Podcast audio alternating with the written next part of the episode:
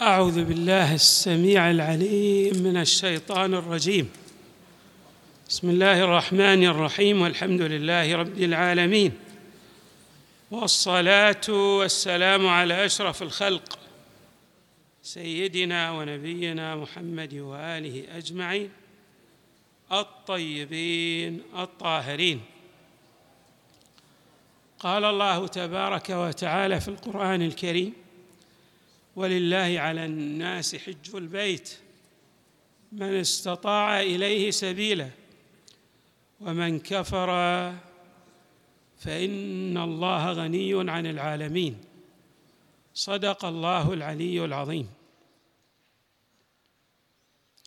هذه الآية المباركة تتحدث عن الحج كفريضة افترضها الله تبارك وتعالى على العباد عن طريق الإخبار بمعنى أن الحج يجب على الإنسان ولكن هذا الوجوب لم يأتي بصيغة الأمر كما جاءت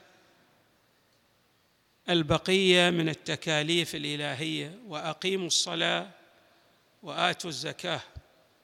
هناك بعض التكاليف جاءت بصيغة الإخبار ليبين الحق تبارك وتعالى أهمية ذلك التكليف. ومن هذه التكاليف التي جاءت بصيغة الإخبار الحج نلحظ في الآية المباركة ولله على الناس. الله يخبر يعني كأنه أمر قد فرغ عنه ومنه. أمر حتم على العباد أن يأتوا به. وللحج خصائص وفوائد تحدثت عنها آيات القرآن وكذلك الروايات. من أهم تلكم الخصائص جعل الإنسان يسير في الاتجاه الصحيح في طريق العبودية لله بمعنى أن لا يرى نفسه أو أن لا يرى لنفسه وجودا في في قبال وجود الحق تبارك وتعالى. بتعبير أدق كما يقول علماء السير والسلوك لا يرى إلا الله تبارك وتعالى. الحج يعطيه هذه الخصيصة إذا أداه كما جاء في الروايات. قبل أن نستعرض الروايات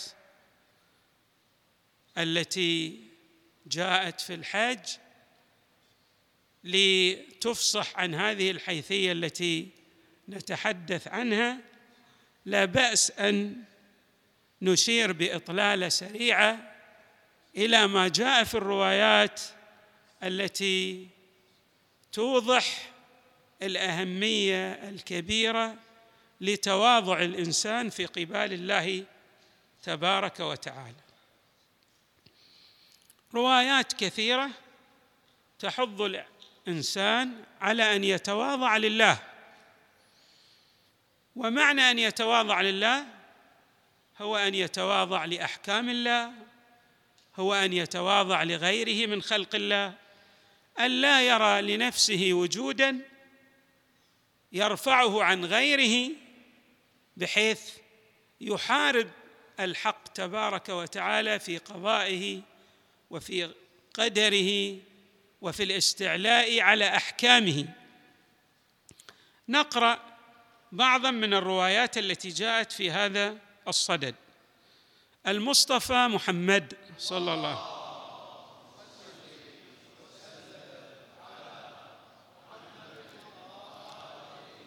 قال صلى الله عليه وآله من يتواضع لله درجة يرفعه الله درجة حتى يجعله في عليين. يعني العبد لا يزال يتواضع درجة درجة إلى أن يصل إلى مرتبة عليين. وما أدراك ما؟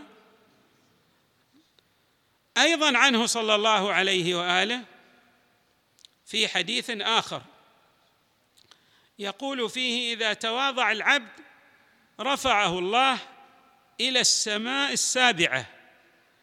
ويقول الإمام الكاظم عليه السلام إن الله لم يرفع المتواضعين بقدر تواضعهم ولكن رفعهم بقدر عظمته ومجده. بمعنى أن من يتواضع لله لم يرفعه الله بمقدار تواضعه وإنما يرفعه الله بمقدار عظمة الله ومجد الله. المجد هو الجمع بين العزة والجلاله. أيضا نقرأ في الروايات التي جاءت عن المصطفى صلى الله عليه وآله والأئمة من أهل البيت. في هذا الصدد الشيء الكثير.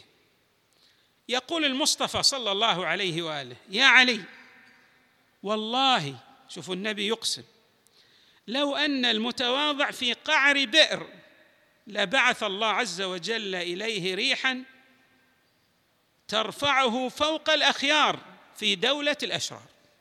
لو كنت في قعر بير لكنك تتواضع لله الله يهيئ لك من المكنة والمجد والرفعة وعلو الشأن بحيث حتى لو كنت في دولة الأشرار يصبح لك شانا وتصبح لك شخصية مرموقة كما نعبر بسبب تلك العبودية والذل والتواضع لله تبارك وتعالى.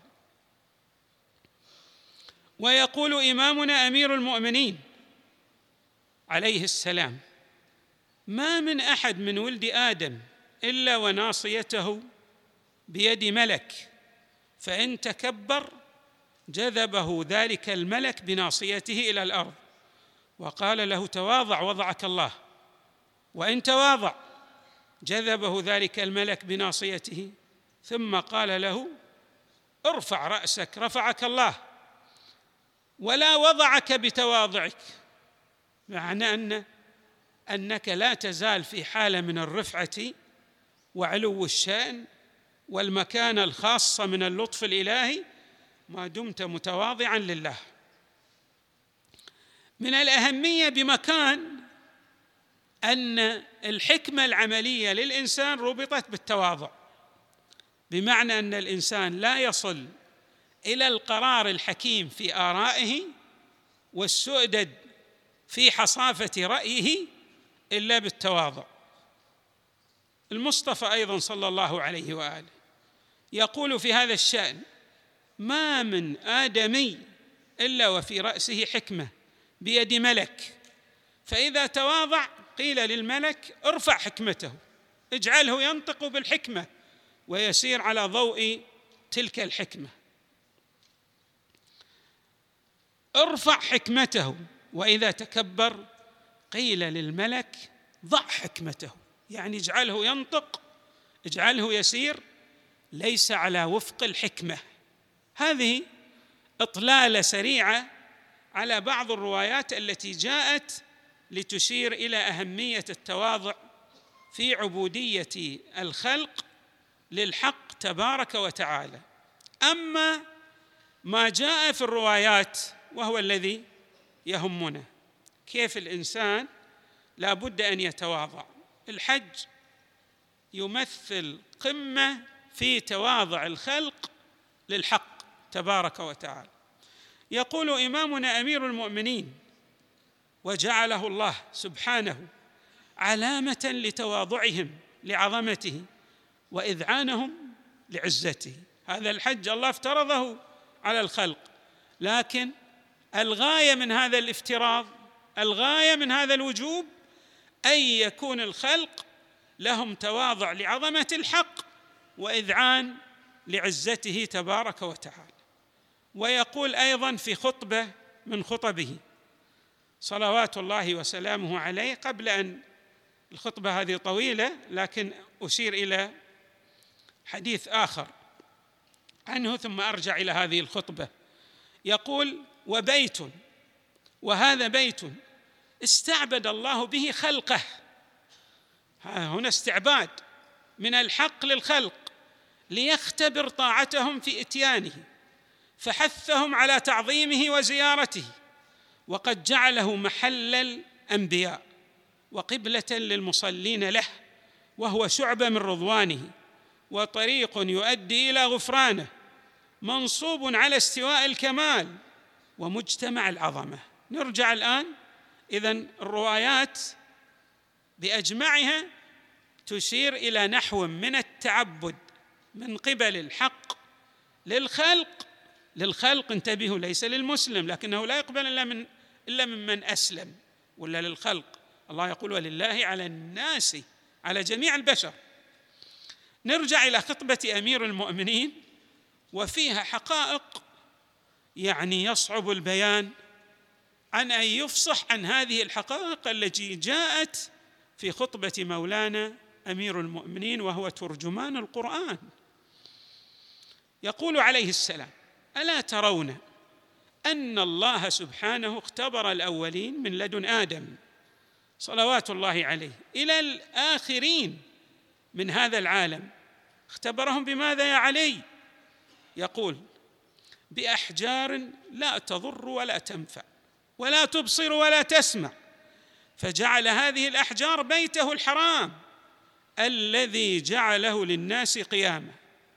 ثم وضع هذا البيت الحرام ثم وضعه بأوعر بقاع الأرض حجرا وأقل نتائق الدنيا مدرا وأضيق بطون الأودية قطرا بين جبال خشنة ورمال دمثة وعيون وشلة وقرى منقطعة لا يزكو بها خف, خف ولا حافر ولا ظلف. ثم أمر سبحانه آدم وولده أن يثنوا أعطافهم نحوه يعني نحو هذا البيت. فصار مثابة لمنتجع أسفارهم وغاية لملقى رحالهم تهوي إليه ثمار الأفئدة من مفاوز قفار سحيقة ومهاوي فجاج عميقة وجزائر بحار منقطعة حتى يهز مناكبهم. هذا محل الشاهد. ذللا ذللا يتذللون إلى الله. يقطعون هذه المسافات وهم سعث غبر ومتذللين إلى الله. وما أدراك ما هذه الذلة في عبودية الخلق للحق تبارك وتعالى التي تجعل البوصلة تتوجه إلى تلك الغاية التي خلق الأجل الخلق لأجلها. ألا وهي العبودية لله. وما خلقت الجن والإنس إلا ليعبدون. يقول عليه السلام حتى يهز مناكبهم ذللا يهللون لله حوله ويرملون على اقدامهم على أقدامهم شعثا غبرا شعثا غبرا له. قد نبذوا السرابيل وراء ظهورهم وشوهوا بإعفاء الشعور محاسن خلقهم. يعني جاءوا متذللين ما يجعلون هناك هندام جيد يحلقون وضعهم وهم في حال يحلقون أذقانهم أو رؤوسهم وهم في حال الإحرام يعدلون شعورهم. بل حالة من الإحرام تدلل على أنهم لا لا يتوجهون إلا لله تبارك وتعالى. حتى يهزوا مناكبهم ذللا يهللون لله حوله ويرملون على أقدامهم سعثا غبرا له. قد نبذوا السرابيل وراء ظهورهم وشوهوا بإعفاء الشعور محاسن خلقهم ابتلاء عظيما وامتحانا شديدا واختبارا مبينا وتمحيصا بليغا. كل هذا امتحان من الله تبارك وتعالى. ليش يا علي؟ حتى الإنسان ما يقدر يقول أنا بعقلي أدرك حقائق الأشياء لأن للعقل حد لا يستطيع أن يتجاوزه. كما أن للبصر أو للإبصار حد. أنت ما يمكن أن ترى مثلا ضوء الشمعة يقولون في أقصى حد إلى 45 كيلو. بس طيب بعد ال 45 كيلو يمكن أن ترى شمعة؟ يعني شمعة منيرة ما يمكن. يستحيل على الرؤية العادية أن ترى بعد هذه المسافة. أيضا لإذنك حد. ما تسمع هذه الموجات والذبذبات الصوتية إلا في حدود مثلا مقدار محدد. وهكذا لجميع حواسك. ولكنك ولكن هناك أشياء لا تدركها.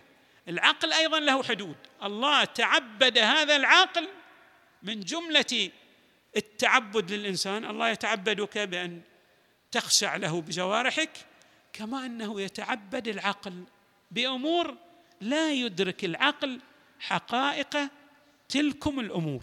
ومن هذه العبودية العبودية في الإتيان إلى بيته الحرام.